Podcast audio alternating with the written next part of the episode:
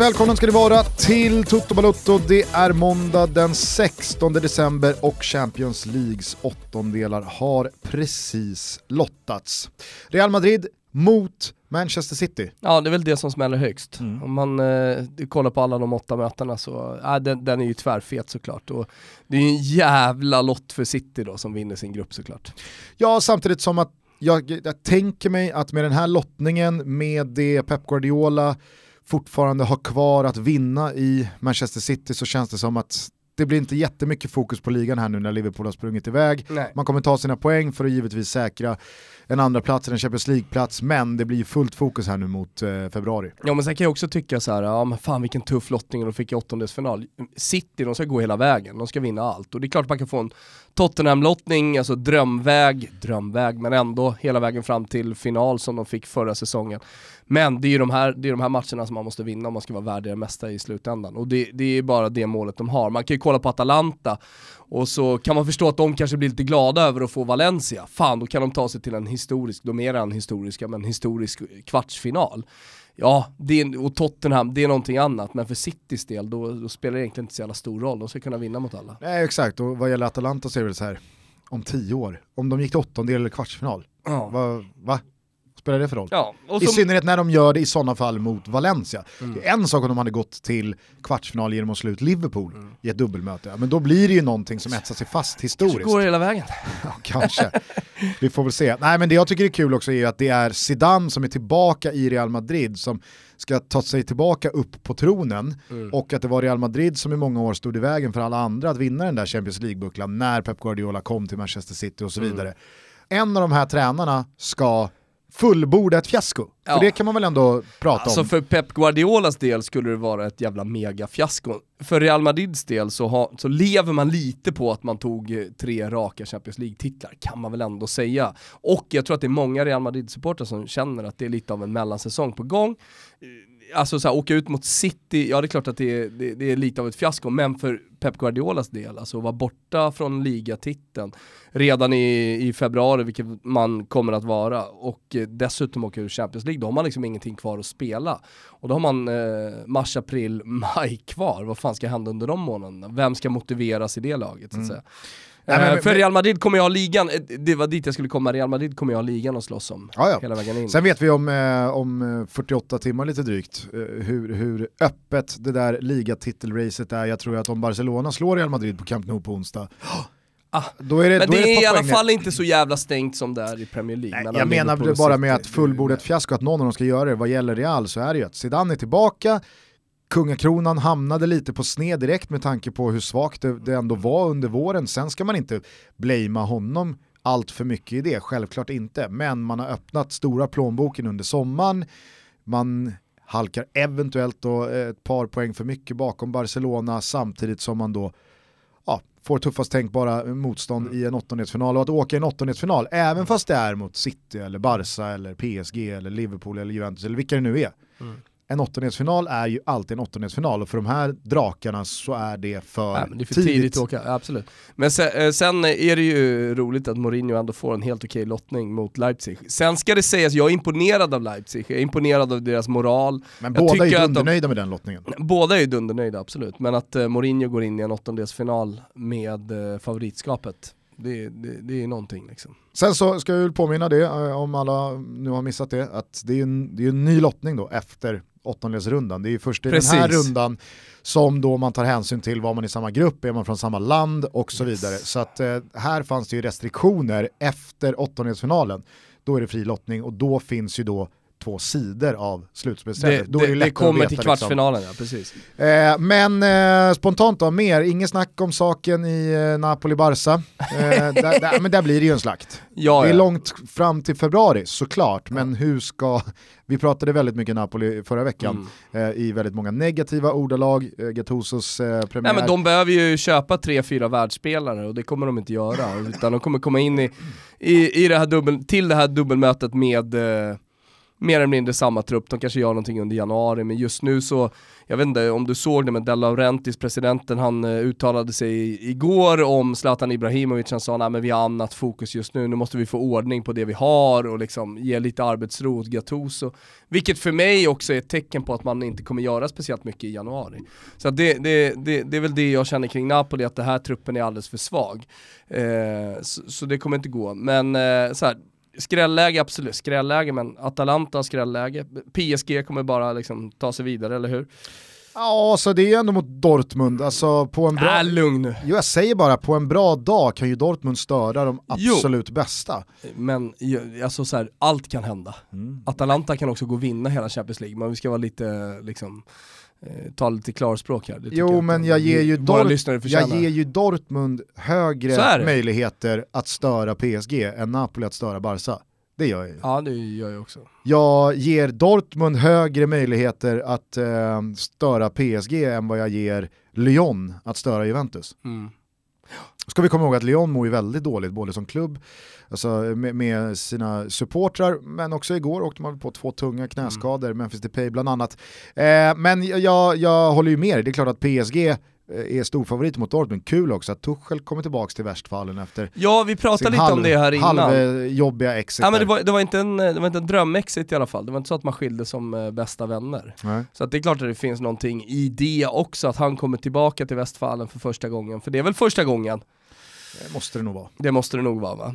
Eh, och, och ja, med sina gamla supportrar och, och alltihopa. Så det, det, det, ja, finns många av de här åttondelsfinalerna som jag ändå tycker är, ha, har någonting. Jag har ju gått och väntat på det här. Mm. Jag är trött på gruppspelet som alla vet om. Ja, det var en del som hade lite svårt att, att, förstå vad du menade med, med ditt uh, Champions League-uppläggssnack. Nej men det var ett ganska långt segment som vi hade, där jag pratade helt fritt om att jag bara var trött på gruppspelet. För att eh, det var, no, det var som någon skrev, tävlingsbalansen inte, den, den, den sporrar inte. Man vet alltid vilka lag det är som ska gå vidare. För mig handlar fotboll liksom om eh, om, om tävlingsbiten framförallt, det handlar om att vinna. Och jag menar så här, åka och vara turister på matcher bara för att det är lite ballt, alltså det, det, det är för mig inte fotboll.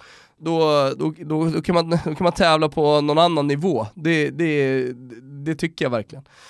Eh, och nivåindelningen i Champions League, den kanske, den kanske måste till. Jag har i alla fall tröttnat de senaste åren på gruppspelet i Champions League för att det inte finns någon tävlingsbalans. Det är, det är för tydligt, det är för stora favoriter. Ah, ja. Det är liksom en och tio var och varannan match liksom, det är, det är värdelöst. Och sen så, jag, jag förstår att folk tycker att det är kul liksom, när röda stjärnan kommer in och så vinner de en match, men i slutändan så är det ett gruppspel där det är två stycken som går vidare. Det är det som, det, det är Champions League, för mig. Uh, så att uh, då, då blir det för skev tävlingsbalans. Det är väl jävligt enkelt, sen har inte jag ett klart upplägg. Det, det sa jag också. Men då är det ju roligt för dig att kunna då fokusera på den andra halvan av turneringen mm. när uh, det är så här sexiga matcher. Vi har ju Chelsea-Bayern. Ja, jag vet också, inte hur sexigt det är. Ja, men jag tycker ändå den åttondelen ja, har Var det Birro skrev på Twitter? Öppen tillställning. Det är öppen tillställning. Nej men eh, det jag skulle komma till var att frågade man, alltså hade den här lotten dragits för bara några veckor sedan, då hade det ju känts rejält eh, kittlande. Alltså Chelsea med allt vad de eh, åstadkom under, under hösten och hur högt de kunde flyga. Nu har det ju varit eh, några veckor med ett par rejält eh, märkliga förluster och deppiga insatser, inte minst på Stamford Bridge. Det svajar rejält i bakre leden, jag har varit inne på med Kepa och Zuma och Christensen mm. och, och, och gänget. Samtidigt som Bayern München då för några veckor sedan till och med gjorde sig av med Kovac, inkom Hansi Flick, det har sett sådär ut eh, ja, under den första månaden med ett par förluster i ligan. Men nu, herregud, alltså jag såg eh, Bayern München mot ja. Werder Bremen i, i, i lördags. Coutinho-show och Lewandowski-show. Jävla mangling alltså. Mm. De ser ruggigt bra ut. Jag kommer ja, det, till det, jag kommer till det i mitt svep också, att Coutinho har, har kommit igång ja, men här vi, nu. Vi ska väl komma till svepet alldeles strax, vi ska inte analysera åttondelsfinalerna allt för mycket, men man ska komma ihåg att hösten är en sak och det handlar om att positionera sig eh, i ligan och sen i Champions League så handlar det om att ta sig vidare. Gärna som gruppetta såklart för de största lagen, men, men det är inte fundamentalt. Sen kommer vårsäsongen så kommer liksom sena februari-matcherna här, åttondelsfinalerna i dubbelmötet. Det är en helt annan historia. Det finns så många exempel på det. Så att, eh, det, det, det, att, att Bayern München är där, att de är med, det är jag helt övertygad om. Ja, och jag skulle landa i det att hade man då pratat om den här matchen och lotten hade dragits för tre, fyra veckor sedan, ja men då hade det nog varit lite mer såhär, oh, fast Chelsea, ja. Och Bayern är lite, oh, nja. Men nu, eh, alltså. idag så känns det som att Bayern, Bayern fick en ganska tacksam låt. Sista åttondelen bara, Atletico Madrid mot Liverpool, regerande mästarna Mm. mot eh, Diego Simeones eh, tunga fysiska maskin. Men som, är det inte lite så att är det någon tränare man inte vill möta så är det den här jävla Diego Simeone. Absolut, samtidigt som Atletico känns ju svagare Mm. än tidigare upplagor.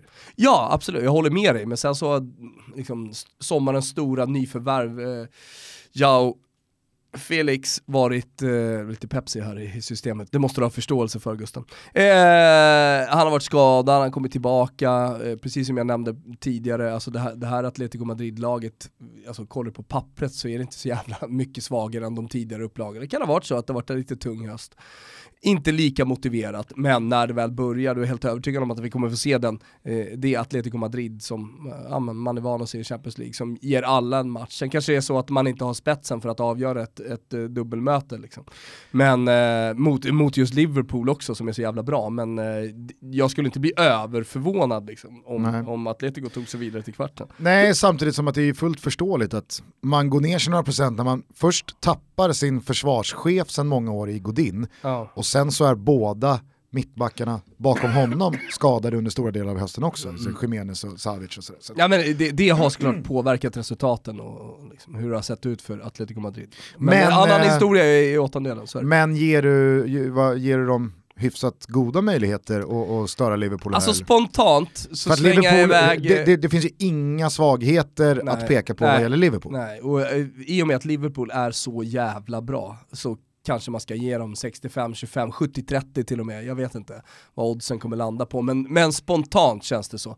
Ja, och jag tänker också att det som skulle vara säsongen är nu ska fan... Vilket är helt jävla sjukt om man sitter och säger Liverpool 70-30 på Atletico Madrid. Mm. Men, ja, Ja, och jag säger dessutom att det här skulle ju vara säsongen när Liverpool till slut skulle vinna ligan. Man har vunnit Champions League, man har varit i två raka finaler.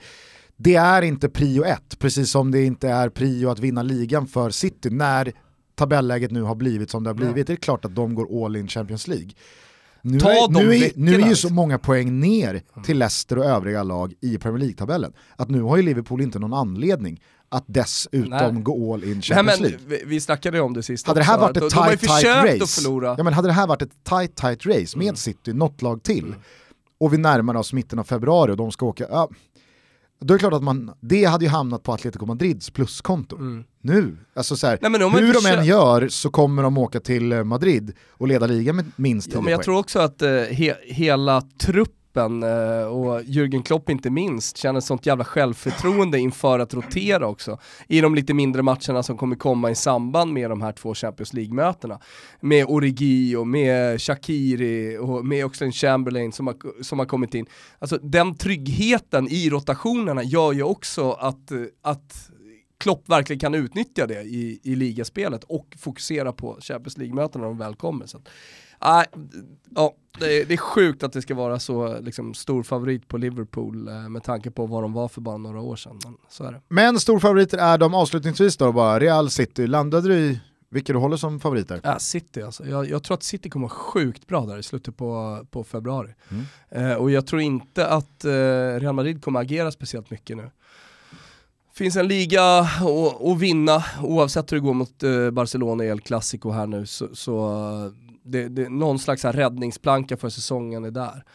Eh, sen hade det ju varit anmärkningsvärt såklart om, om City chokar liksom igen, att Pep Guardiola inte lyckas. Eh, då, då blir det ännu mer snack om att det, det är någonting liksom som inte funkar i hans upplägg, säsongsupplägg. Du får, ju, Periodisering och allt. du får ju väldigt rätt här, Eh, jag ser oddsen startar här på att kvalificera sig i åttondelarna. City 1.44, Real Mm. 2.62. Oj, oj, oj, det är högt. Ja, det är, ja, 1.33 Liverpool mot Atletico Madrids Ja, det- det- 3.25. ja, Det är alltså- nere på 70%. ja, det är mer än 70% eh, till och med. Eh, det är väl eh, liksom, eh, 70 drygt. ja men det är, det är uppe i 75% liksom Gusten. Alltså det är, det är 75-25 då som de ger. Sen får vi se hur, om oddsen stabiliseras något. Men det, det, handlar, det handlar väl jävligt mycket om att det är sån otrolig hype. När vi närmar oss matchen, då kanske Liverpool har haft en lite svagare liksom, tid i ligan, vad vet jag, kanske till och med torskat någon match. Ja, då, då kanske det, kanske blir 70-30 i slutändan. Men, men, eh, väldigt, äh, väldigt jämna odds på Tottenham-Leipzig i gå vidare. En 80 startar Tottenham på, en 95 Leipzig. Mm. Eh, superduper favorit på Barcelona, på Juventus, på Bayern München. Eh, ska se här, Dortmund, PSG, PSG 1.33 också. Så ja, att, eh, ja. 75%. Ja. Nej, alltså PSG, PSG tror jag kommer bli ruskigt farliga. Alltså. Jag tror inte Dortmund har någonting att sätta emot det. Eh, vill du höra ett svep eh, ja, från fan, helgen vi som Vi stänger gått? spekulationer och skit, alltså, nu, nu summerar vi istället. Det tycker jag är roligare. Men vad kul va, att det är lottat så att man har de här godbitarna att se ja, fram emot. Du och jag ska ju åka också. Ja, mm. Det ska bli väldigt roligt. Mm. Men det är då, nu är nu och detta är helgen som var.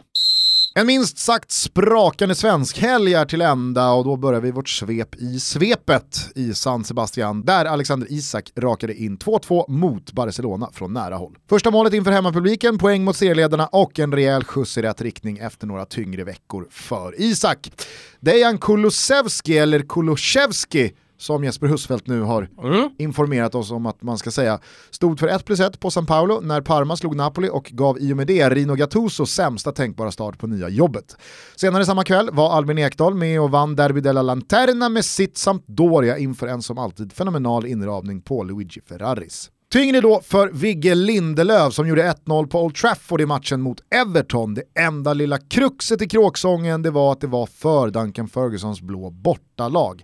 Aj, aj, aj, men Mason Greenwood löste i alla fall kvitteringen 1-1. Inga svenskar var med och vann några matcher i Tyskland och Bundesliga så att ja, ömsom vin, ömsom vatten på svenskfronten. Zoomar vi ut så tar vi med oss att eh, Kevin De Bruyne visade hela världen varför vi i Toto pratat om honom som världens bästa spelare under hösten när han gjorde precis vad han ville borta mot ett i spillror slaget Arsenal. Har du, har du pruttat? Mm, jag råkade eh, dra iväg. Så jävla kryddig lunch innan. City har möjligtvis växlat upp, men efter att Liverpool tagit en ny stabil trea på halvfart samtidigt som tabelltvåan Leicester överraskande tappade poäng mot Norwich är ligabucklan redan graverad och klar. Grattis säger nu även Gugge. Spurs, Mourinho och Stålmannen Fertongen trollade fram tre poäng borta mot Wolves, Roma vände och vann mot Spal och Borja Valero gjorde givetvis mål för Inter borta mot sitt gamla älskade Fio. Vlahovic fick dock sista ordet och två tappade poäng rundade av en riktig pissvecka för Conte och gänget.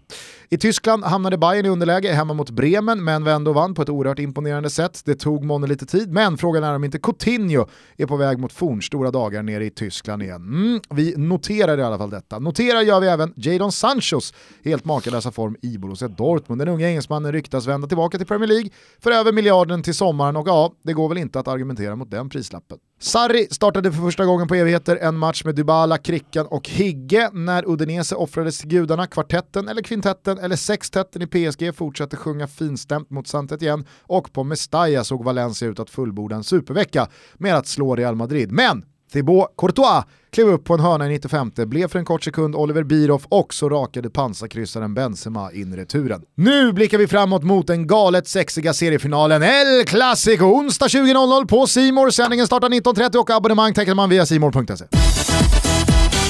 Jag såg att Alexander Isak eh, gjorde en intervju med Fotbollskanalens eh, Spanien-korre.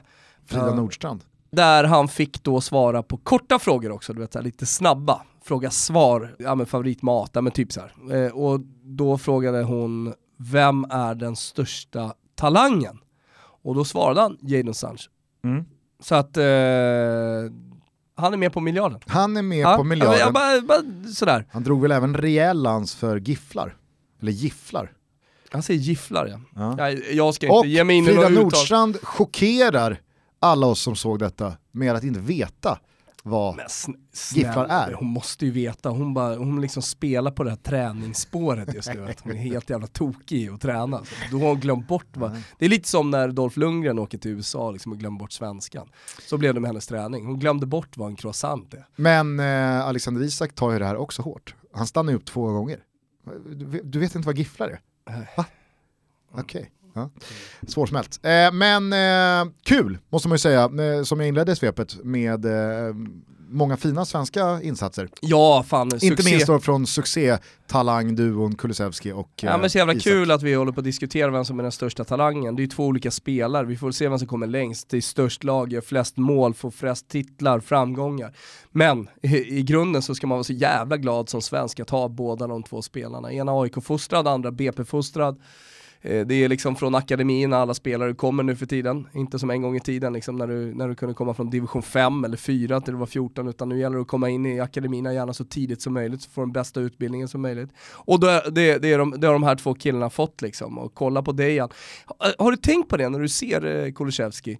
Liksom, hans rörelsemönster, han ser nästan lite slö ut. Ja, ja. Gjorde inte Zidane lite samma sak så här, när, han, när, han, när han gick runt på planen? Jag jämför dem absolut inte, jag jämför inte deras joggingstil på något sätt. Men han, han liksom, han släpar fötterna lite när han inte är i spel, när han inte maxlöper, när han inte har bollen. Han ser ju lite så här tonårsaktigt överkroppstung ut. Ja det gör han också. Och det kanske är därför ja. man släpar. Det kan, vara, det kan vara det, men sen är det en jävla hjärna, en jävla fotbollshjärna och otroliga fötter. Och sättet han spelar fram på också, till 2-1 målet, när han håller i bollen och liksom ja, värdera verkligen situationen. När ska han passa? Ska han lägga den på ett tillbaka som många säkert hade gjort så håller han i den och hittar in. Och, ja, jag tycker att det ja, är otrolig talang. Och sen så att göra mål, mål mot eh, Napoli på San Paolo borta Assa till sista, precis som för Alexander Isak göra mål, även om det är ett enkelt mål. Eh, men jag tycker också att det är ett mål han förtjänar, men mot Barcelona dessutom. Men det är klart att det smäller högt. Det ja, sen är det också, alltså, så här, det, det är stor skillnad, i alla fall för mig, och jag tror många håller med mig, att göra mål också i matcher som slutar med betydande resultat. Att målen alltså, verkligen spelar roll eller assen, Jag såg John Guidetti halka in en kasse, om det var i Celta tror jag att det var va? Ja, det var eh, innan han gick var innan till Alaves. Ja, han, han halkar och skjuter på sitt eget stödjeben och den ställer Ter Stegen och han gör, mål, mål. han gör mål mot Barcelona på Camp Nou, ja. Men matchen slutar väl 4-1, 5-1 ja. och så, så, så, så, minns inte någon det. Ja, men sen är det dessutom... Här gör han 1 plus 1, man slår Napoli borta. Alexander Isak gör kanske ingen större insats eh, spelmässigt, men gör det där målet och det blir slutresultatet 2-2, man tar poäng av Barcelona. Ja. Och eh, sen tänker jag också liksom att både Parma och Real Sociedad gör ju historiskt bra säsonger. Parma trodde ingen på, många trodde att de skulle vara nere och slåss i, i botten. Eh, nu, nu är de liksom stabila på övre halvan eh, och man åker och gör liksom kaos med eh, Napoli, vinner välförtjänt tycker jag liksom på San Paulo. Det, det, då får ett genombrott som det Kulusevski står för just nu. Då får det liksom ännu större utrymme i media. Så att eh, efter varje omgång så skriver man ju liksom spalter om, eh, om, eh, om honom i italiensk media. Eh, liksom Real Sociedad gör den här säsongen. Att de, nu, nu har inte Isak gjort lika mycket poäng, han har startat mycket bänk, men man får ju upp ögonen för honom. Alltså, det är klart att storlagen tittar på en 99 och en, en uh, spelare som är född 2000 jävligt mycket. Och vad det gäller Dejan så ser det ut att gå fort nu. Eh, vi, jag, jag, tror att många lag egentligen vill knyta honom till sig redan i eh, januari. Bara för att liksom ta bort konkurrensen, säkra spelaren, även om de inte behöver han i januari. Jag tror också att den, eh, den här affären kommer göras upp i januari, det kommer vara klart, mer eller mindre. Men han kommer spela vidare i Parma hela säsongen. Kan, alltså ja. det finns en möjlighet för Atalanta att kalla tillbaka honom från lånet och spela med honom i Atalanta under våren med tanke Nej. då på Champions League, åttondelsfinal och, och ja. så vidare. Alltså nu, nu råkar jag veta att det var väl inte världens bästa relation mellan Gasperini och, och Kulusevski. Alltså, det, jag ska inte säga att det var problem, det var liksom inte Ponne, Ponne! Och Bielsa. Eh, men eh, det, det, var väl någonting som kanske inte riktigt lirade däremellan. Eh, så att jag, jag, ser det som eh, omöjligt och jag tror att kontraktet är skrivet så, så att det är omöjligt. Sen går ju allt att lösa, det vet ju du också Gusten, alltså med pengar och sådär. Men eh, däremot så tror ja, jag att det är, försäljning... lättare, det är väl lättare för Gasperini att vara lite kyligt inställd ja, till en liksom, men, dussin 18-åring som lämnar på lån efter de här 4-5 månaderna i Parma så tror jag nog att Gasperini har lite mer varmare Problemet är att man, man har liksom eh, Josip Ilicic eh, på den positionen och eh, han ska man inte flytta på, då ska han komma tillbaka till Atalanta och, och vara andra gubbe och då, då tror jag att man tappar lite av det momentumet som han har och man kanske inte får ut lika mycket. Däremot så ser det som större sannolikhet, oavsett vad som står i kontraktet och han ska stanna i Parma hela säsongen ut, att han går redan i januari, alltså sätter på sig en annan tröja. Eh, just för att liksom med pengar kan man lösa allt och jag tror att Parma och Atalanta i det här läget. Alltså så här, Parma skulle säkert kunna gå med på det om de får en slant. Är du med?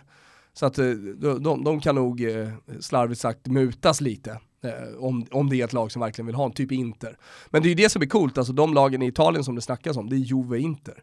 Och, och, sen, och det är de som ligger i pole position. Men, men är det de två lagen som är intresserade i i, i Serie A, ja men vad, vad, är det då i England? Alltså, vad, vad, händer, vad händer i Spanien liksom? Vilka är det som rör på sig? Så det, det, det, är jävligt häftigt, det ska bli jävligt häftigt att följa hans, eh, hans liksom nästa karriärsval. Ja, en tråkig detalj här det är ju att det inte längre är Manenti som bossar i Parma. Han, ja. Alltså tänk dig Manenti med gamla slovenska skalbolagen. Han hade ju sålt honom redan. Ja men det hade ju varit så jävla fint att ha honom som en liten ja. liksom, birollsinnehavare i, i transfer. Han var ju aldrig i Parma, det var ju problemet. Alltså så här, han, officiellt så kanske han ägde Parma, men alltså, han visade aldrig några pengar. Problemet var, jag vet inte hur många som kommer ihåg det, men Parma, Parma var till försäljning. Manenti, en gubbe, eh, var ju den som köpte klubben, men han, eh, det kom ju aldrig några pengar. Och det var hans paroll i ett halvår, ett år. Pengarna kommer. De kommer, de, de är kom, på väg. Han, han, var ju till och med ganska tydlig sen på måndag klockan 10, presskonferens utanför sportcentret. Pengarna landar på kontot vid 12.00. Och till och med då när han förs ut och förs in i en polisbil ja. från träningsanläggningen, handbojad. Ja. Det är det sista han säger ut genom fönstret. Pengarna väg. är på väg.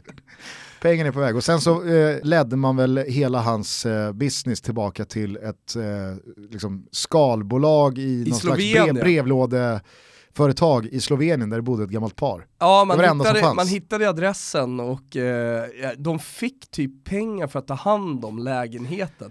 Eh, men eh, de hade inte heller sett några pengar på väldigt länge. Nej, de, vad, de var det, vad var det Gian Alaba hade liksom fått fram att när allting var utmätt och klart så uppgick Manentis tillgångar till 7000 euro. Ja, någonting sånt. ah, vilken story det var. Eh, svinroligt med Kulusevski och Alexander Isaks insatser i helgen, verkligen. Men du nämnde honom här, på tal om Ponne och Bielsa.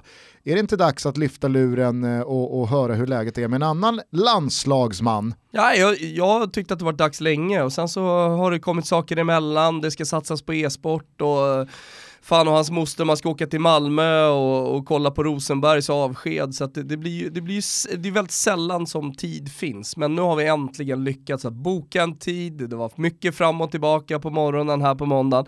Men! Det är dags Gusten! Håll i det! Nu ringer vi till London den här gången. Till Brentford! Till Pony!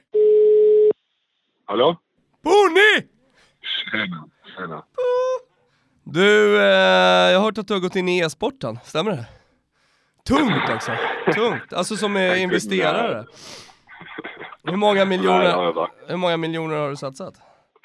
Nej, jag har inte satsat mycket jag ska göra det. Jag har ett lag, men det är allt. Men det, det är inte mycket investerat i det. Ett ah. halvhjärtat försök. Härligt. Men du, hur fan är läget då? Brentford har börjat marschen mot eh, toppen och Ponne leder trupperna. Ja, nej vi, alltså vi har inte varit bra hela året. Det är bara att vi hade otur med resultaten i början av, av säsongen. Uh, men uh, nej, vi var stabila, stabila nästan året igenom och, och nu har vi fått fart på, på målskyttet också. Uh, många spelare som har kommit igång så det ser bra ut. Alltså skiter man i uh, poängavståndet så här tidigt som det fortfarande är på en Championship-säsong? Eller känns det som att Leeds och West Brom har dragit iväg? Nu tappade i och för sig båda poäng sist. Men... Uh, ja, vi möter West Bromwich på lördag. Um, så, nej men alltså, jag har varit med så många år i den här serien nu. Det är inte lönt att titta så här tidigt alltså. Det är bara fokus match, match för match och sen får vi ta det när vi, när vi närmar oss i slutet. Det är men... inte lönt att fokusera på Ja. Men West du skit i... Brom, men nej, jag måste bara fråga, West Brom lördag, då är det ju fan, då är det du mot Charlie Austin. Ja men spelar han då? Jag ser han suttit på bänken rätt mycket ju. Ah, han, han, han hoppade väl in och gjorde två mål sist, så att, eh, borde väl ha tagit sig in i startelvan igen. Ja, det var kul. Jag tar med han i fickan han också. det var Mitrovic senast. ja, det roliga är med Mitrovic, han är ett riktigt dampbarn ju. Men eh, nu har vi mött varandra så många gånger så nu är vi rätt, inte bästa polare, men vi är rätt bra, bra vänner i alla fall. Så det har lugnat sig nu. Men när vi möttes för ett par år sedan så var det jävligt stökigt alltså. Ja, det känns som att ni har ett par rejäla jävla duster, både fysiskt och verbalt. Ja, men det har, det har varit det innan ja, men nu har det lugnat sig så att Det var kul, kul att träffa honom igen. Han är, han är faktiskt rätt snäll, alltså snällare än vad man tror. Eh, men ja, han, han har, han har något, något form av damp har han nog. Ja, han måste ju vara så jävla hetsig när det väl brinner till med, med svordomarna på serbokroatiskan. ja, han, uh, han sågade sina mittbackar hyfsat duktigt till, till mig under, under hela matchens gång. Han bara, vad är det här för skit jag spelar med alltså? Så jag bara, jag bara stod och skakade på huvudet. Nej, jag vet inte. Mamma Jansson måste jag fått höra en del också. Ja, nej, men som sagt, nu är vi rätt, nu är vi rätt bra vänner. Alltså, det är med respekt nu. Ah, ja, så var det alltså när vi möttes. När han var i Newcastle och jag var i Leeds så var det jävlar i mycket jämnt i matter och allt möjligt man kunde slänga ur sig. Ja, härligt. Men du fan, det var jävla länge sedan vi snackade så här i Toto Balutto. Eh, vi har fått en hel del nya lyssnare sen eh, senast också Ponne, det ska du veta.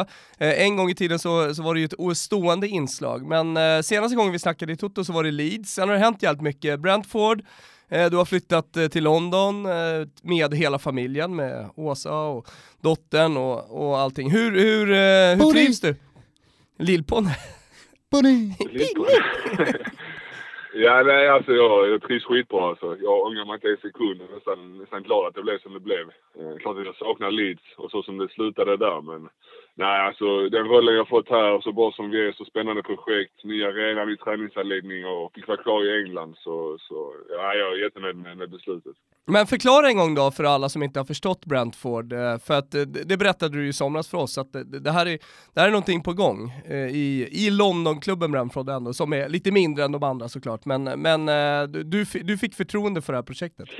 Ja, nej, men det var något nytt för mig också. Alltså, när Martin ringde mig, eller när Linus ringde mig, så var jag tydlig från, från första sekund att alltså, jag, ska ni sälja mig och jag ska lämna så ska det vara inom England. Alltså, jag, jag fattar ju också att Leeds ville sälja mig för att tjäna pengar. Men jag var tydlig mot dem direkt att alltså, jag, jag, ska, inte, jag ska inte lämna England.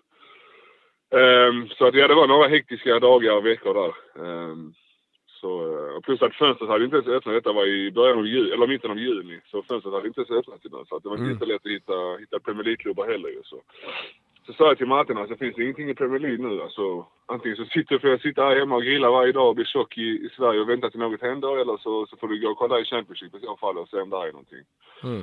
Um, så hade vi också lite av de andra klubbarna, West Bromwich och Fulham och så här. Men det, som kändes mest helhjärtat var, uh, var Brentford. Um, mm också såklart med att det är mycket skandinaver här. Rasmus, sportchefen, känner jag sedan innan. Thomas har jag också alltså, haft kontakt med innan. Um, och, och alltid gillat Brentford. Jag har satt Brentford ganska högt upp i, i min värdering kring topplagen i Championship. Att de har saknat Ja, för det sa du tidigt till oss i, i somras, att eh, jag tror inte ni fattar gubbar, att det, det här är ändå ett lag som satsar. Ja, att de satsar, alltså ja, men alltså sen har de alltså spelare. Nu sålde de ju sig Marpay till, till Brighton, men förutom honom så behöll de ju, behöll de ju allihopa, plus att de då hämtade in fem sex spelare. Mm. Men det finns, en, lag i flera år. det finns en tydlig Premier League-ambitioner.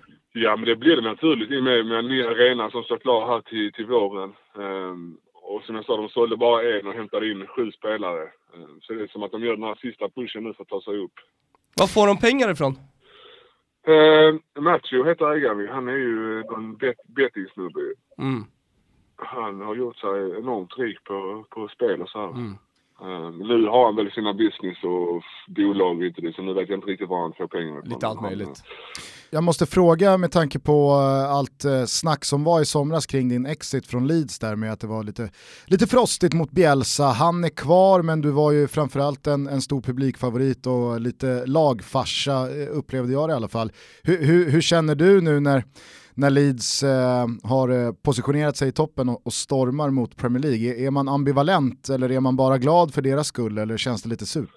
Ehm, um, ja, alltså, det är klart att det är mycket känslor involverat. Alltså. Så som det blev när jag lämnade så var det ju ganska, alltså, det gick så snabbt alltså. På ett, på, på ett par dagar så, så ändrades allting. Um, men sen så blev det också att jag åkte dit och sa hej då till alla typ så en, en två veckor efter jag hade stannat på Brentford. Eh, alltså mitt under försäsongen. Och sen så mötte vi dem tidigt. Så det kändes som att det kapitlet stängdes rätt snabbt efter att jag hade mött dem. Eh, och så nu är det mer att nu, klart att nu följer jag dem fortfarande med, alltså jag, alltså jag är fortfarande en Leeds-supporter trots att jag spelar i, i, samma liga. Hade jag inte varit i samma liga, hade jag flyttat utomlands, hade jag ju supportat dem 100 procent. Men klart nu när jag är i samma liga så är det svårt eh, när man fightas med dem. Eh, men jag, alltså jag, jag kan bara blicka tillbaka med, alltså med, med kärlek till de åren i dit och allt jag fick vara med om. Ja, ja, men det förstår jag och, jag och jag kan verkligen köpa att när man är konkurrenter om samma topplaceringar, då är det väl klart att man, man ser till sitt eget bästa först. Men det kan ju utöver det vara lite så här, ah, missundsamhet men ändå undsamhet. Eh, det, det blir ju jävligt svårt det där när det finns två sidor av myntet och två sidor av exiten. Ja, alltså från min sida då, alltså mot Bielsa om vi tar honom, för det är ju det är mycket som det handlade om. Alltså jag, alltså jag ser upp till Bielsa fortfarande som en av de bästa tränarna i världen. Alltså jag, och han hade inga problem så. Det är klart att vi hade vissa meningsskiljaktigheter, alltså att vi diskuterade saker hit och dit. Och, och, och, saken var att när han då fick bestämma vem han ville sälja så var det mitt namn som kom upp. Och sen du vet hur Bielsa är, han står fast i det så att han, att han kan ändra sig då. Utan då, då blev det bara som det blev.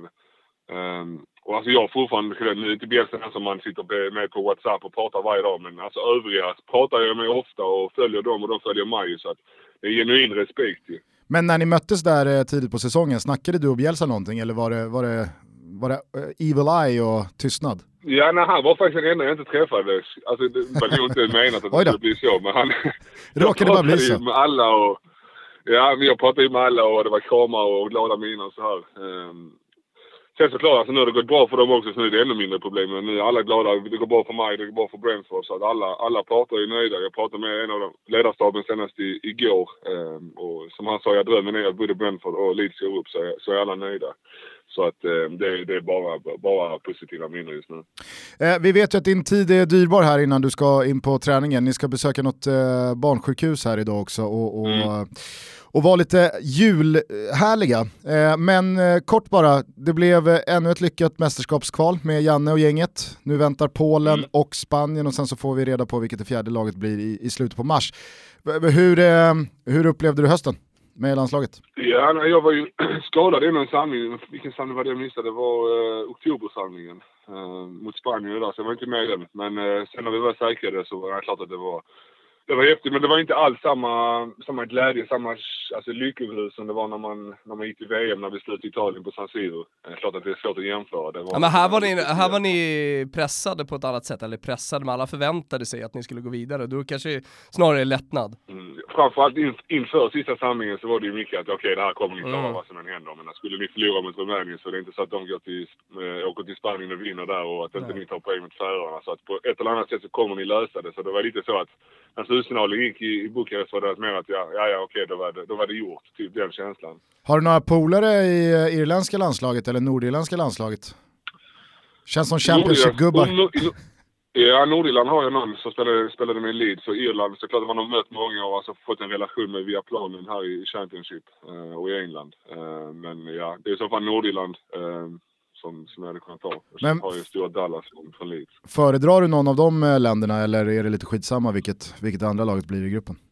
Alltså, nej, alltså, möta Irland hade kanske varit den tuffaste i och med att det spelas, spelas i Irland. Nu har vi två bortamatcher. Det är klart att det kanske inte är optimalt men ja, jag vet inte. Låt, låt dem komma bara. Du, eh, slutligen, har, eh, har ilskan lagt sig? Jag läste det i Sportbladet där, du var lite lack över Zlatan-statyn, men har, har, du, har du fått distans till det hela eller?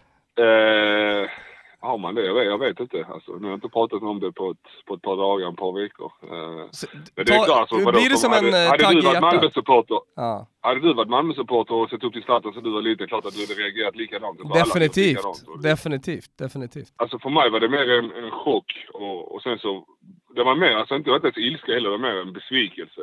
Mm. Om... Sen så blev det mer att okej, okay, då tippade all, i och med att jag är tajt med Mackan så tippade allting över till Mackan och allt det mm. som Mackan har fått sista två veckorna är helt overkligt. Alltså det hade man aldrig kunnat drömma om ett sånt slut. Så det är nästan som att det Zlatan gjorde hjälpte Mackan att bli, bli den han är nu. Um, men det, blev det, det, var ju jävla, det var jävla mäktiga scener när Mackan gick upp eh, i klacken och sen så ropade han till sig det genom att, eh, att köra Jansson skriv på, skriv på. Sen så sa ju vi det Toto efter att eh, det kändes nästan som att han tyckte det var lite skönt att lämna över mikrofo äh, mikrofonen, megafonen. Eh, han, han trivs, trivs inte lika bra där framför klacken som du gjorde, visst var det så? Ja, lite så är det ju. Varje gång han har gått upp nu i slutet så har jag alltid mästat han efteråt och sagt att det, det känns så onaturligt när han gör det. Som att det är påtvingat. ja.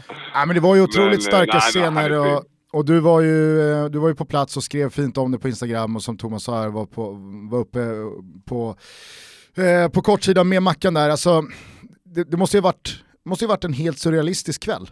Ja, alltså det var helt overkligt. Alltså, jag, alltså när jag lämnade den kvällen, jag sov ju på Kastrup eh, för jag skulle flyga tillbaka på, på morgonen efter. På en bänk? nej, på, på ett hotellrum. Ja, hotellrum hade de fixat. Ja. så att, eh, ja, det var nästan som att jag kände mig som Mackans pappa. Typ som man, man var stolt över sin son, att han, fick, att han fick uppleva något sånt. Det var lite den känslan jag hade. Alltså, jag hade sånt lyckorus i kroppen att det var, det var helt overkligt. När jag stod där på podiet efter matchen, alltså, jag stod och skakade, knappt stå upp. Så mycket som mina knän skakade.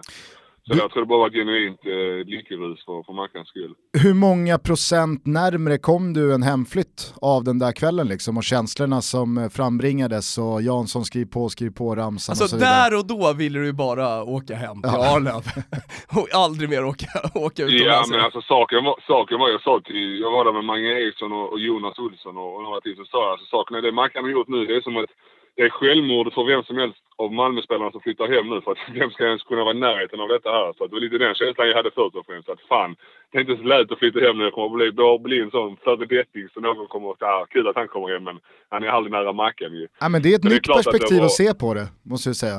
Att, det, Ja. att det är lite så här, eh, alla tror att nu har, Mal- nu har Marcus Rosenberg verkligen öppnat dörren för alla hemvändare till, till Malmö Men FF. Men tvärtom, alltså. tvärtom, han har egentligen stängt den, för ingen vill, ingen vill följa honom.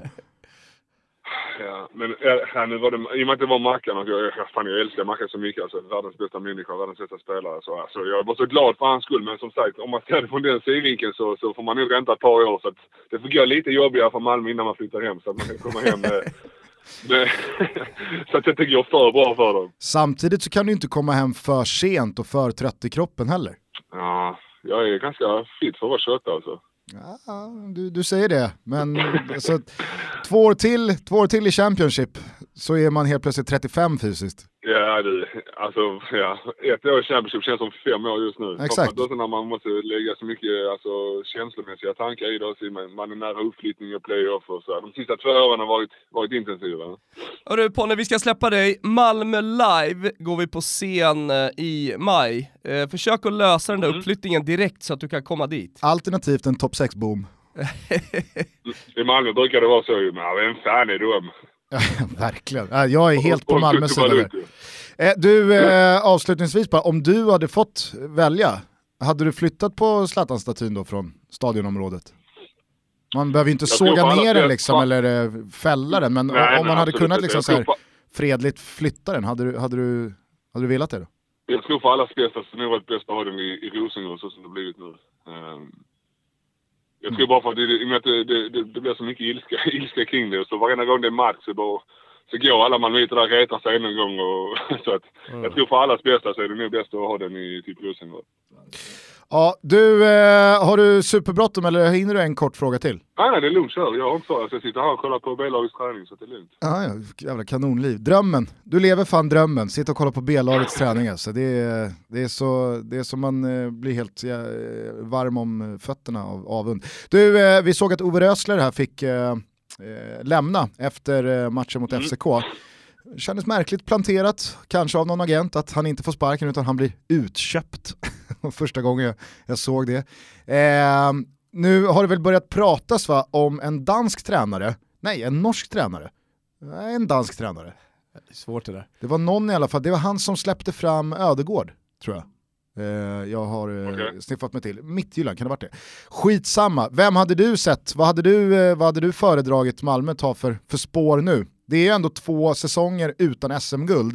Är det prio med guldet och titlar eller är det fortsatt prio på leda utvecklingen? Alltså, jag, alltså rent att nämna ett namn tror jag blir svårt här och nu. Alltså, jag vet faktiskt inte vem jag hade valt. Jag tror du måste välja någon som, som förstår. Alltså, om du tittar på medelåldern i Malmös lag nu under Ove så har det varit ganska hög. Mm. Och till och med typ så, när, när den upptagits för mig som mest var i Svenska cupen mot Värnamo här i, i november. Så tänkte jag okej det är en match som man kanske släpper fram någon i alla fall. Så jag tror 16 av 18 spelare var typ alltså, rutinerade A-lagsspelare med typ så 25 plus och nära 30. Jag tror Malmö hade den högsta medelåldern i hela Europa League. Mm. Så det, det säger ju en del. Jag menar, för Malmö för mig är att okej, du ska ha en mix av, av rutinerade spelare, stjärnspelare, kanske några hemvändare som Ralle, Mackan, Johan och så här och Gische. Men du ska ändå ha några unga som kommer upp hela tiden, eh, varje år. Eh, två, tre stycken. Eh, så jag tror det är den vägen som Malmö vill gå tillbaka till. Så att det är det de, de letar efter. Ja, ja det är... du, och du har inget namn på lagret? Jag har faktiskt inget namn alltså. Jag har fått säga någon som sagt Danne med Mackan som sportchef, men, men, men det känns orimligt. Mackan ska spela paddel ett tag här nu. Ja, det ska jag göra. jag får göra det. Hörru du Ponne, fan vad kul att höra din röst igen. Detsamma, detsamma. Det var länge sedan. Ni har blivit för stora för att ringa mig nu. Nej, det vet du fan. Ja, det tror jag inte Hur det riktigt. med, Da- hur går det med Danne förresten? Ni ringer aldrig han heller ju. Nej, men Danne har, eh, han har varit tydlig att eh, det behöver vända för honom karriärmässigt innan han, eh, innan han vill vara Det med behöver igen. ta slut karriärmässigt innan han är med. Det kommer ju aldrig vända för han. Han är ju så slut så det finns inte. Nej, nu tycker jag att vi lugnar oss. Mål i två raka här va? Jag är, Eh, jag är på din sida här på det. Men, Vad, eh, vad, vad vill han att jag ska vända till? nej, men eh, han känner väl att eh, det, det, det, det blir lite skevt att, att ringa och prata om att han har suttit kvist ett halvår i Grekland. Utan pröjs. Han, han, där, han om någon lever ju livet alltså. Ja, så är det. Har den färglösa talangen och ändå tjänat så mycket pengar så, så har han gjort det bra. Jag säger att Danne är mer talangfull än vad du är. Han har ju sin snabbhet, han har ju inte mycket mer än så. Har du har inte sett YouTube-videor? Äh, Det är konstigt att det, dina, dina YouTube-videos, har du plockat ner dem eller? När du trixade när du var 14-15 bast? Att de inte har blivit Det, större det, nu? är ett, det är ett annat liv. Det är ett annat liv, det är inte jag längre. Alltså. Ja, jag har svårt att se dig göra samma saker idag.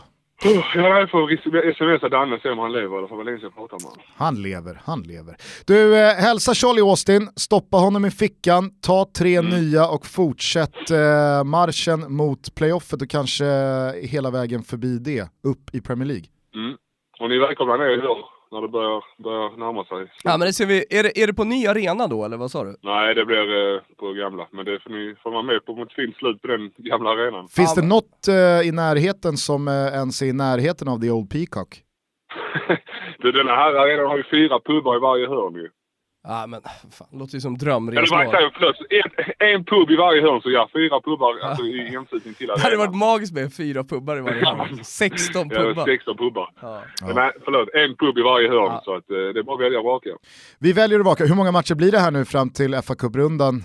Är det, är det fyra, Eh, fyra matcher? Fem matcher? Ja, vad är det för datum idag? Nu spelar vi ju 21, 26, 29, första och fjärde. Så att ja, det är ett par matcher. God jul har vi lust att säga. Glöm inte att Men eh, stretcha. jag har jag har redan nu jag har kastat in uh, sjukkortet där den fjärde Uefa-cupen. Den, den, där ser de inte mig kan jag säga. Ja det är bra. Ja, nej, men eh, passa dig så att du inte liksom, eh, svävar för högt. Ställa krav. nej, nej, nej. Fötterna på jorden här. Fötterna på jorden, ibland är det, först, ibland är det bra att vara först eh, på plats och putsa några skor och visa att man fortfarande brinner. Det är jag ju. Jag sitter här och kollar på B-lagets träning och ska ge dem... De- De, tror att du kollar på B-lagets träning av intresse. Fan, Jansson sitter där och, och, och kollar. Nu, nu jävlar. Nu steppar vi upp. Du, eh, jag ser framförallt eh, fram emot att följa satsningen i e-sport här Ponne. Nej, det, det har redan gått ut för jag börjar tappa det redan. Asså, är det familjelivet? Ja, nej, de är för dåliga. Är de för dålig för att börja sparka? Sportchefa lite. Någonting har du lärt dig i Jag har redan Italien. sparkat tre, fyra stycken. Så. nej, de får höja, höja nivån. Ja det är bra. Jag ska Tom- scouta lite åt dig. Thomas är väl sugen annars? Annars är jag sugen på det. Jag spelar, jag spelar lite Modern Warfare på Xboxen här på slutet. Men alltså Ponne, du måste ju ha sett, det- eh, du det- måste ha det- sett Thomas när han kör PubG eller vad, vad det heter. Alltså hur kass det är var han? sorgligt. Det var sorglig syn. Men jag har blivit bättre nu alltså. Vad fan, du får ju tänka på att jag var helt jävla nybörjare. Ja, nej, det var, det var inget vidare att säga. Vi får se, vi kanske, våra, våra vägar kanske korsas eh, vid något tillfälle och då, då lovar jag så då kommer du få smaka på, eh, på umpen. Jag tvivlar, men ja, vi kan se. Hörru du, god jul Ponne, hälsa Åsa. Samma vi hörs boys. Ta hand om dig. Ja, Tja. samma. Hej, hej. Har vi fått fram ett eh, motståndarlag för Malmö FF här då? Vi spelar ju in i samband med Europalottningarna. Du är ju Roma-supporter, vill du ha Roma först kanske? Alltid. Roma-Gent. Är det lustig? Det är det. Det är lustig! Det är Genten. Oj oj oj oj oj, då får vi fan, nästa gång vi ringer upp landslagsspelare så får det bli eh, Micke, Big Mike va? Eh, Wolfsburg. Wolfsburg för Malmö. Ja. Mardröm. Vi satt ju med Niva nyss och pratade om eh, Wolfsburg, Ja. det har inte ni hört, för det kommer ni få höra på nyårsdagen. Eh, men eh, det, ja, det är tufft. Ja, Av alltså- alla de lagen de skulle kunna ha, ha fått då, så Ja men det, är det ju är det jag menar, om, om vi pratar liksom fotbollsturism och fan vad coolt att åka dit. Ja. Så listade väl Niva Wolfsburg som kanske den värsta platsen på jorden. Och det älskar ju han, men det är inte alla, alla som är lagda som Erik. Eh, men ser man då till sportsliga kvaliteter i laget, slog väl serieledarna i Bundesliga igår. Med 2-1. Eh, ja. Så att, Det, det, det, är ett, det är ett ganska dugligt fotbollslag. Ja det får man verkligen säga, alltså mardrömslott på det sättet. Ja, utan sexigheten. Så det, det är ett kvalitativt jävla toppmotstånd, Ja. pissig stad. Men ja, ja, de ligger åtta i eh, Bundesliga. slog väl Gladbach igår va? Med- Häng med på 2-1. nya Europaplatser. Men eh, i och med att eh, det är Malmö som spelar va, så de eh, ligger lite närmare kontinenten än vad Stockholm ligger. Mm. Så att eh, och brassa ner till eh, Volkswagen City, det tar inte speciellt lång tid. Det kan ju bli en riktig, riktig esodo som man säger i Italien. Alltså det hela Malmö åker i exil till, till eh, Wolfsburg, det får man ju ändå tänka sig. Hela Malmö åker i exil. Ja, Ja. ja, Ta spännande. med statyn det hade varit roligt om de liksom bär med statyn. Börjar väl borta va? I och med att. Malmö vann gruppen. Funkar väl likadant i Europa League som i Champions League. Eh, ja, börja borta. Således, ja, jag, vet, jag vill inte räkna bort dem Hur helt. tror du Malmö tänker liksom inför det mötet? Eh, Kommer de agera mycket liksom?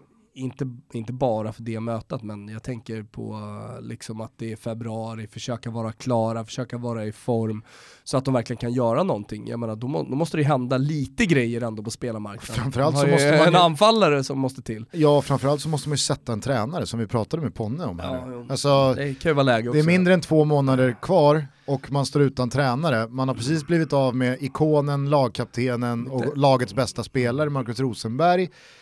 Ja, pratas väl eh, lite exit här kring Bachirou. Eh, om jag inte är helt eh, felinformerad här. Men eh, det är väl klart att Malmö borde väl MP Eh, leder väl? MP ledig. Ja. MP ledig. Däremot är Nanne tillbaka i Kalmar för fjärde gången. Grattis. Va, vad säger du om det här? Nanne Bergstrand, Sveriges Fatih Terim. Ja, lite så. Han kommer ju alltid tillbaka till Galatasaray eller turkiska landslaget. Ja. Men alltså, att Fatih Terim är i Galla är ju ändå liksom så här. Han kommer vara där igen, han kommer få lämna och så kommer han komma tillbaka, det vet man. Det är alltid liksom gubben att gå till. Jag tyckte faktiskt att eh, det, det, det var ett intressant eh, inspel från Andreas Alm i eh, just debatten kring tränardemografin i Sverige. Nu var inte det i samband med att Nanne fick eh, tillbaka jobbet i Kalmar FF utan det, det bara blev så att det sammanföll sig. Alm kör ju en julkalenderkrönika eh, i Häckens kanaler. Mm. En lucka varje dag där han breder ut sig antingen kort och koncist eller långt i sina tankar om Är det enda julkalendern du följer? Enda det- luck... Vad har, vad har du för luckor du detta, öppnar? detta ständiga julkalendergrepp. Men, eh, nej, men jag har nått som några eh, tankar från Ander och då pratar han just det där att allsvenskan och svensk fotboll tror jag eh, går miste om väldigt många viktiga aspekter när vi åldersdiskriminerar 50-plussen eller 55-plussen. Att är det bara massa 38, 40, 42, 44-åringar som kommer från den nya skolan och som alla kanske är stöpta i samma Verheyen-formar och alltså, man, man eh, inte går på fotbollstränares erfarenheter och kunskap från gamla tider och från en annan Mm. skola och att man har varit med, så, så kanske också svensk tränarkultur eh, kultur blir lite fattigare. Ja. ja, men det där tror jag man kan applicera på internationell fotboll också. Jag tycker väldigt mycket snack handlar om de lite äldre tränarna, att de är slut, att de har en förlegad fotboll. Och, eh, de måste uppdatera sin fo fotbollsfilosofi om de ska hänga med i liksom, det, det, det moderna tempot i, i spelet.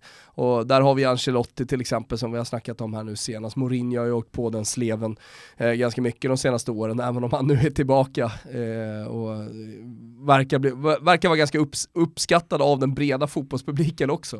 Eh, det gick ju rätt fort det. Men eh, jag håller med. Kul i alla fall är det att Nanne Bergstrand är tillbaka tycker jag. Mm. Och jag är nöjd med att Nanne Bergstrand och Kalmar, det är liksom Sveriges motsvarighet till Galatasaray och Fatih Terim. Mm. Ja.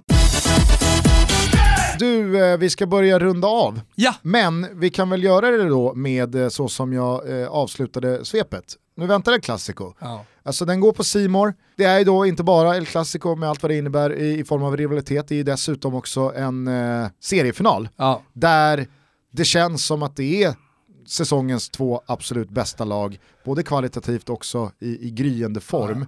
Eh, och med tanke på att Real har sackat efter lite senaste säsongen vad gäller ligaspelet så, så känns det också som att ja in i den är här matchen sugna. kommer Real också med ett jävla go. Mm. Nej men jag, jag håller helt med, alltså fan en jävla ball match. Hur eh, ser du på Real Madrid då som lag efter den här hösten? Det har varit turbulent, Må- Mm. många spelare som kanske man trodde skulle få fart, alltså, som inte har fått det. Jovic, eh, Eden Hazard, eh, Luka Jovic, vad händer? Men det är klart, har man en Benzema framför sig så är det tufft. Jag, menar, han är, jag, jag tror att kanske Real Madrid tänkte att Benzema var lite slut, att han inte hade motivationen, men har fortfarande tid kvar på sitt kontrakt. Att det skulle bli mer speltid för Luka Jovic under den här hösten, men när man har haft Benzema i en sån jävla, sånt jävla superslag så har det blivit tufft. Och det beskriver också hur jävla svårt det är att komma till de här stora lagen och att komma in i en ny liga, att lära sig ett nytt språk, det kulturella, allting.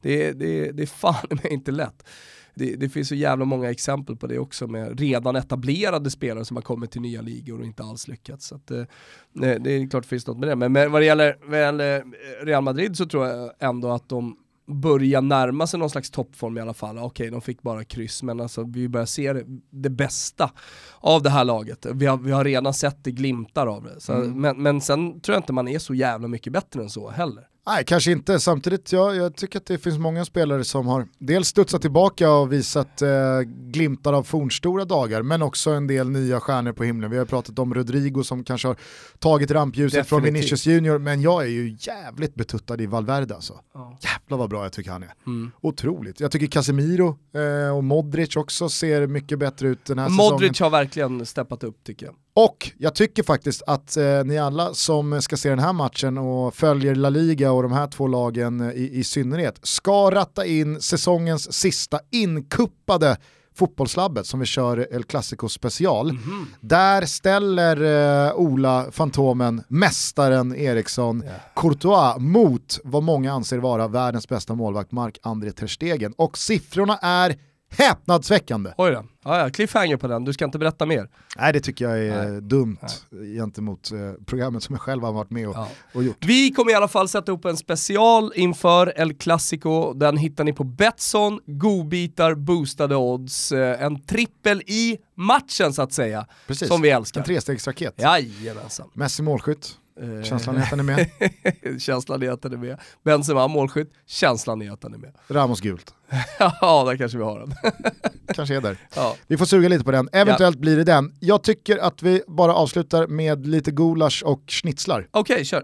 Eh, jag börjar med en gulasch till alla inblandade i veckans Kalla fakta. Eh, som Andreas Sundberg har gjort eh, med den äran.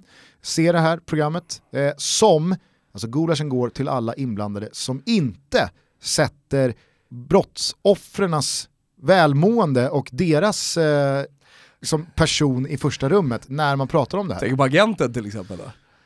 Bland annat. Häpnadsväckande. Nej så. men eh, så, så här, det, det, är snårigt att mm. ge sig in med, med, med kritik i, i mer individuell riktad form än så. Jag tycker bara att det var alldeles för många som på ett jävla märkligt sätt, oavsett vad man har för roll i det här, oavsett vad man har för intressen och att det här har påverkat en si och så, fan säger hej det är, det är unga jävla flickor som har hamnat jävligt illa här. Mm. Viktigast är att liksom, de på något sätt kan må bra igen. Ja. och att det här aldrig givetvis skulle ha hänt. Nu hände det, har vi ett ansvar i det? Hade vi kunnat göra någonting annorlunda? Ja, i och med att det ledde till det här så borde vi givetvis eh, ha, ha, gjort det. Men, mm. ja, men här, jag tyckte det var märkligt att Känslan var att några hade kunnat backa, backa, i det här. Många var rädda för att ja, men, du vet, hamna snett mellan den rollen man har i sin klubb, eller vad man nu är, och eh, i moralfrågan. Eller liksom där. Så, och, då, och då hamnar man någonstans mitt emellan och då blev det så jävla fel. Ja, jag, tycker och, det. och det är ju så skevt för att så här, alla fattar väl att ja, det är jättetråkigt för Sirius. Det är enkelt att bara backa där Det är och bara jättetråkigt för Malmö FF. Ja. Det, det, det, kan man ju också tycka är tråkigt. Fan vad trist för Sirius och Malmö FF får de alla ja, inblandade sportsligt. Den tanken hamnar ju jävligt sent va? Exakt att i den priordningen, att, att landa där först, men också att bara landa där, inte liksom så här först och främst så är det, det här för jävligt sett till vad de här flickorna har blivit utsatta för. Nej. Jag tyckte det var, det var, det var tråkigt. Ja. Eh, det var, det var, ja, mm. Solklar gulasch. Schnitzel? Ja, men jag har en liten minigulasch till. Aha. Mm. Tycker ändå det ska nämnas här. Såg du igår när eh, Duncan Ferguson bytte ut Moise Keane? Ja, ja absolut. Efter 17-18 minuter. Han byter in Moise Keane i den 70 minuten. Mm. I det läget så står det 1-1. Då har eh, United kvitterat, Everton eh, sett till hur matchen såg ut, de, de, de försökte stå emot. Mm. Det var inte så att Everton gick för, för 2-1. Men sen då, då i 88-89 minuten så gör Everton ett till byte och då plockar Duncan Ferguson ut Moise Keane som ser jävligt brydd ut av detta. Mm. Och han går bara förbi Duncan Ferguson som inte ens tittar på honom. Och då blir det ju en jävla shitstorm gentemot Duncan Ferguson. Hur fan kan man göra så här mot en, vad är Moise Han är 2000. 2000 19 år gammal, han har kommit till Everton, signat ett långt kontrakt för stora pengar, haft det motigt under hösten, har väl knappt gjort ett mål. Mm. Och att alltså, då liksom... Blir han pissad på på det här sättet? Att då bli pissad på av sin tränare inför öppen ridå i en sån match. Alltså det minsta Duncan Ferguson kan göra då är väl att stå för att han plockar av Moise Keane och säger hans ja, men han hade ju kunnat klappa om honom ja, men det är det jag menar. Ja, men så här, hans kvart var katastrof. Han skulle vara av plan, det blev fel, han höll på att kosta oss matchen. Hade han i alla fall sagt det, mm. då hade man ju förstått bytet. Men när Duncan Ferguson säger nej, nej alltså, det var ingenting personligt, jag ville bara döda tid med ett byte. Jaha, men ett, välj någon annan då, då som du inte har bytt in en kvart tidigare. Två, om det är anledningen, då är man väl jävligt mån om att visa då för Moise när han kommer av efter en kvart. Hej, hej, hej, alltså gubben, ja. det, är, det, är, inget personligt. Jag vill bara döda eh, 30 sekunder här, krama om honom, visa att det här är ingenting med dig. Han tittar inte ens på Moise. Så det, det, är en 19-åring som har kommit till eh, ett helt nytt land, nu pratar vi om kulturer och, och lära sig ny, nya språk och allt sånt. Kommer till ett helt nytt land, han har haft det motigt precis som du är inne på. Och eh, alltså risken här är ju att du tappar spelaren helt. Liksom, mm. du, risken är ju att det här sätter sig rejält på hans självförtroende. Så att det, det handlar om en person här nu som blir skadad. Och, i och, med och en karriär att... som kan liksom ta fel vändning, ja. helt klart. Och i och med att hans kvarts insats inte alls var liksom bli utbytt värdig så finns det, alltså så här, Duncan Ferguson kan inte rädda sig själv på något sätt där. Jävla tråkigt för att Duncan Ferguson kom ju in med, med den energi han gjorde här nu som interim... Eh... Ah, så jävla skådespelat hans jävla energi, alltså, jag orkar inte se på det. Han ska hålla på att ta av sig sin jävla jacka och... Ja men att han stod bara i skjorta i regnet igår, det var ja, men, ju för och sen, mycket. Och sen står han och jublar efter 1-1 upp mot läktaren och så fan kräks på det där. Ja men det är det jag säger. Att, ja här... jag hör att det är det du säger men det måste till lite jävla tyngd i det du säger också känner jag. Fan. Du tar rejäl position här mot Big Ja, definitivt. Smekmånaden alltså. är över. Smekmånad hit, smekmånad dit alltså. Sen kan det Bellsta River. Du trodde inte ens på kramarna med bollkallarna i premiären mot Chelsea? Nej, verkligen inte. Nej, jag Vilken tönt alltså. Den... Vilken mupp. Ja, ja, ja, ja. Och så hålla på att förstöra unga spelares karriärer på det här sättet. Alltså. Jag är beredd att se cyniskt på det här också. Alltså. Nu, nu, nu, nu lever han farligt. Jag blir lite glad. Ja, avslutningsvis då, en stor eh, fin schnitzel till Watfords eh, målvakt Ben Foster. Jaså. Har du eh, satt dig in i den lilla story som cirkulerar på sociala medier, inte minst Twitter? Eh, om eh, Nej, spela in med. Nej men eh, Watford eh, spelade en hemmamatch för några veckor sedan och eh, då var det någon, det här är typ barnbarnet som, nej det är den som skriver storyn på Twitter berättar om sin uncles pappa, alltså farbror eller morbrors farsa vad blir man då till den Skitsamma. gubben? Skitsamma. Det är så i alla fall släktskapet ser ut. Han har blivit lite dement här senaste året men varit eh, Watford-supporter i 60 år, haft säsongskort eh, varje år, gått på alla hemmamatcher. Han ska ta bilen hem från Watfords hemmamatch men motorn startar inte. Så att han tänker, ah, jag, jag får väl lämna bilen här på parkeringen så promenerar jag hem istället. Och så är det, det, det, är mörkt och det är kallt och det regnar och eh, det är typ ganska långt. Jag tror att det i historien står typ 10 miles eller något. Alltså mm. det, det, det, är alldeles för långt att gå. Och, eh, så han, och han går ju längs vägen så som han kör bil, så han går liksom i vägrenen. Och Ben Foster åker med sin familj hem från arenan någon timme senare och kör förbi den här personen och tycker när han kör förbi att så här, här ser inte helt okej okay ut. Eh, det, det, där var en gammal man, han såg ut att gå och röra sig lite konstigt och fan det är mörkt och kallt och det regnar och han, han, han får en dålig känsla så att Bempa vänder ju. Fina Bempa. Bempa vänder efter några minuter att så här, nej jag måste fan kolla om det, nej, då har ju den här gubben gått omkull och ramlat ner i ett dike bredvid vägen och ligger liksom hjälplös i diket. Eh, hade väl förmodligen strykit med på kuppen om han hade spenderat natten där. Så att eh, Bempa Foster hittar ju honom i eh, diket, och ta med honom hem, se till så att allting eh, går bra, löst en ny säsongsplåt eh, och att han då får fira jul hemma hos familjen Foster eh, om han är lite ensam. Fy fan vad fint. Mycket fint. Ja, otroligt. Så att Ben Foster gillar vi, betydligt mer än Big Doug Ferguson. Ja, verkligen.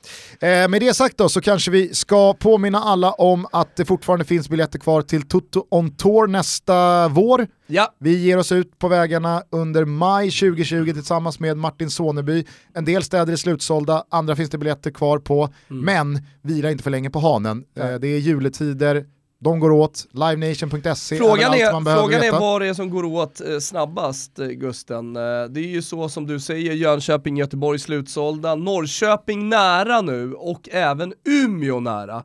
Örebro kommer som en stucken gris här.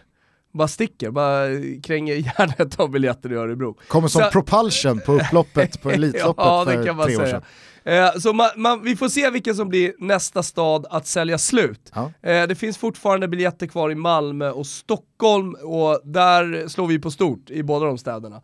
Som ni hörde med Ponne ska vi försöka få ner honom till Malmö. Få upp honom. Ja, och eh, sen kör vi ju Cirkus i Stockholm. Och de som tyckte det var fett på Oscars, ja, ni har ingen aning om vad fan som kommer hända på Cirkus. Och där finns det också plåtar kvar, till och med på parkett fortfarande. Så det är bara gasa hörni! På torsdag så kommer Bojan Djordjic och gästar oss. Yes! Prata lite eh, Premier League-hösten, Champions Ja. League-hösten, Lite Röda Stjärnan kanske. kanske. Han verkar gilla italiensk fotboll just nu. Han ringde mig häromdagen och snackade jävligt mycket italiensk fotboll. Får se, kanske blir lite sånt också. Var ju väldigt offensiv när han gästade våra vänner eh, i Testa Stör också Mm. med eh, sina framtida ambitioner att vara sportchef här AIK. Om jag känner Bojan rätt så blir det i alla fall ett avsnitt man vill lyssna på. Så Mm. här brukar det vara i Toto. Hörni, Tuchén Watches, sista racet, tuchenwatches.com slash totobalotto.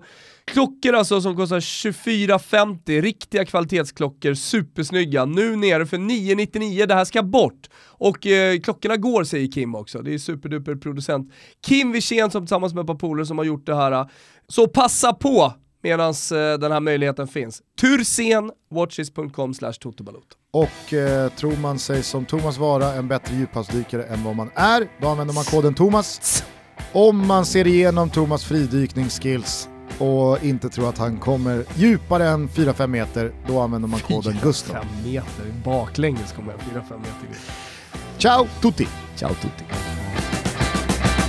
London calling to the faraway towns. Now war is declared and battle come down. London calling to the underworld. Come out of the cupboard, you boys